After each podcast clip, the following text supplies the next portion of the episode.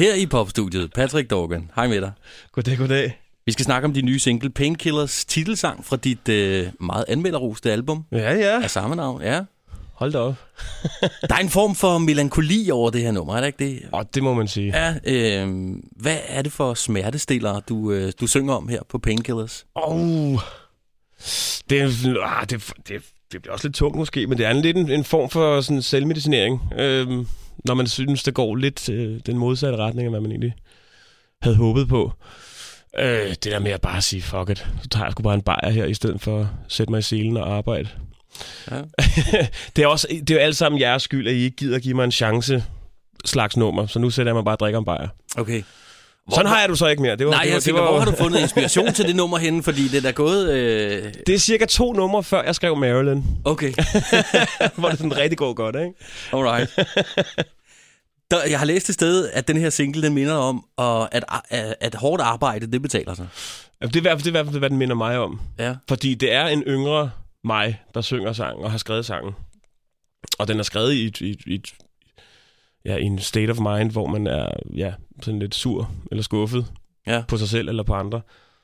Og så har jeg så efterfølgende fundet ud af, at gud, jeg skulle faktisk bare arbejde lidt hårdere for at, at, at træde igennem og, og blive hørt. Og så kan man sige, okay, det var den unge Patrick, der havde det sådan dengang. Nu, nu har vi det godt igen. Og så har du brugt den her øh, skuffelse, og, og den har du brugt konstruktivt, eller hvordan? øh? Ja, ja. Altså, jeg har også kaldt mit album for Painkillers, fordi at hver sang ligesom på en eller anden måde er, er et step i den retning, jeg, jeg har så taget. Og, og, og derfor er hver enkelt lille sang på en eller anden måde sådan en lille... lille fuck, nu siger jeg bare stikpille til mig selv, ikke?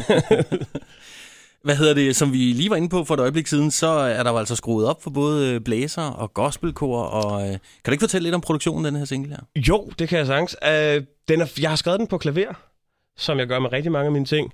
Uh, og vi har i lang tid slå, slået med, hvordan man får den til at løfte sig. Og så havde jeg, fordi jeg deler studie med en masse gode mennesker, blandt andet øh, Brandon Beal. Og han er fra Texas, Tyler, Texas, og har, har været i de her kirker her, hvor, hvor man synger gospelkor. Og så, så havde han en idé til noget kor, man kunne lægge ovenpå. Og så sagde jeg, okay, det gør vi. Og så tog det faktisk fart derfra. Så kommer, så kommer produceren ind og siger, åh, helt klart, nu forstår vi, hvor den skal hen. Og så gik de bare mok og fandt B3-ovl, og, og, og vi ringede til, øh, hvad hedder det, sådan en, et blæs, et horn-ensemble, som var inde og, og, og lægge horn på. Altså, den fik, hvad, hvad, hvad har vi talt til 14 mennesker, der er på, på det her nummer. Og øh, Patrick, det er jo et fantastisk nummer, det her. Tak, mange tak. Du har brugt meget af det seneste år på at turnere rundt, blandt andet sammen med Lucas Graham, men også øh, solo. Hvad kommer tiden øh, sådan forud eller fremad øh, til at byde på? Turné, turné, turné, turné. Jeg øh, er ude på en meget omfattende turné her fra næste uge af.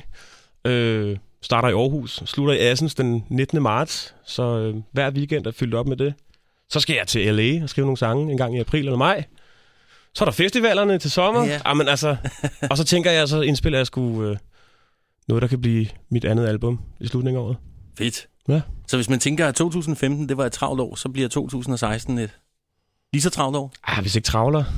det håber vi da. Det er super fedt. Patrick, tusind tak, fordi du ville kigge forbi Popstudiet i dag. Selv tak. Det var skønt.